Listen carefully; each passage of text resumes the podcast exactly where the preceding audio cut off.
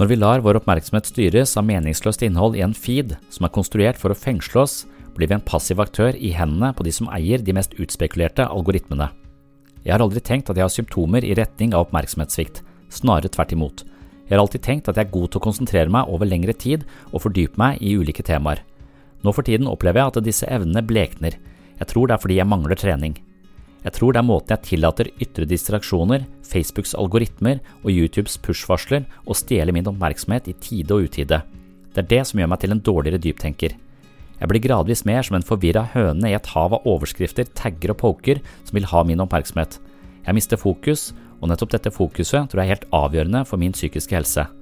Selv opptrer jeg også i disse sosiale kanalene på speed, men jeg håper at du som hører dette, tar deg tid til å tenke litt ekstra før du scroller videre, eller klikker deg inn på sinnssyn i et litt lengre podkastformat og hør alt jeg tenker om hjernen og psyken i møte med sosiale medier.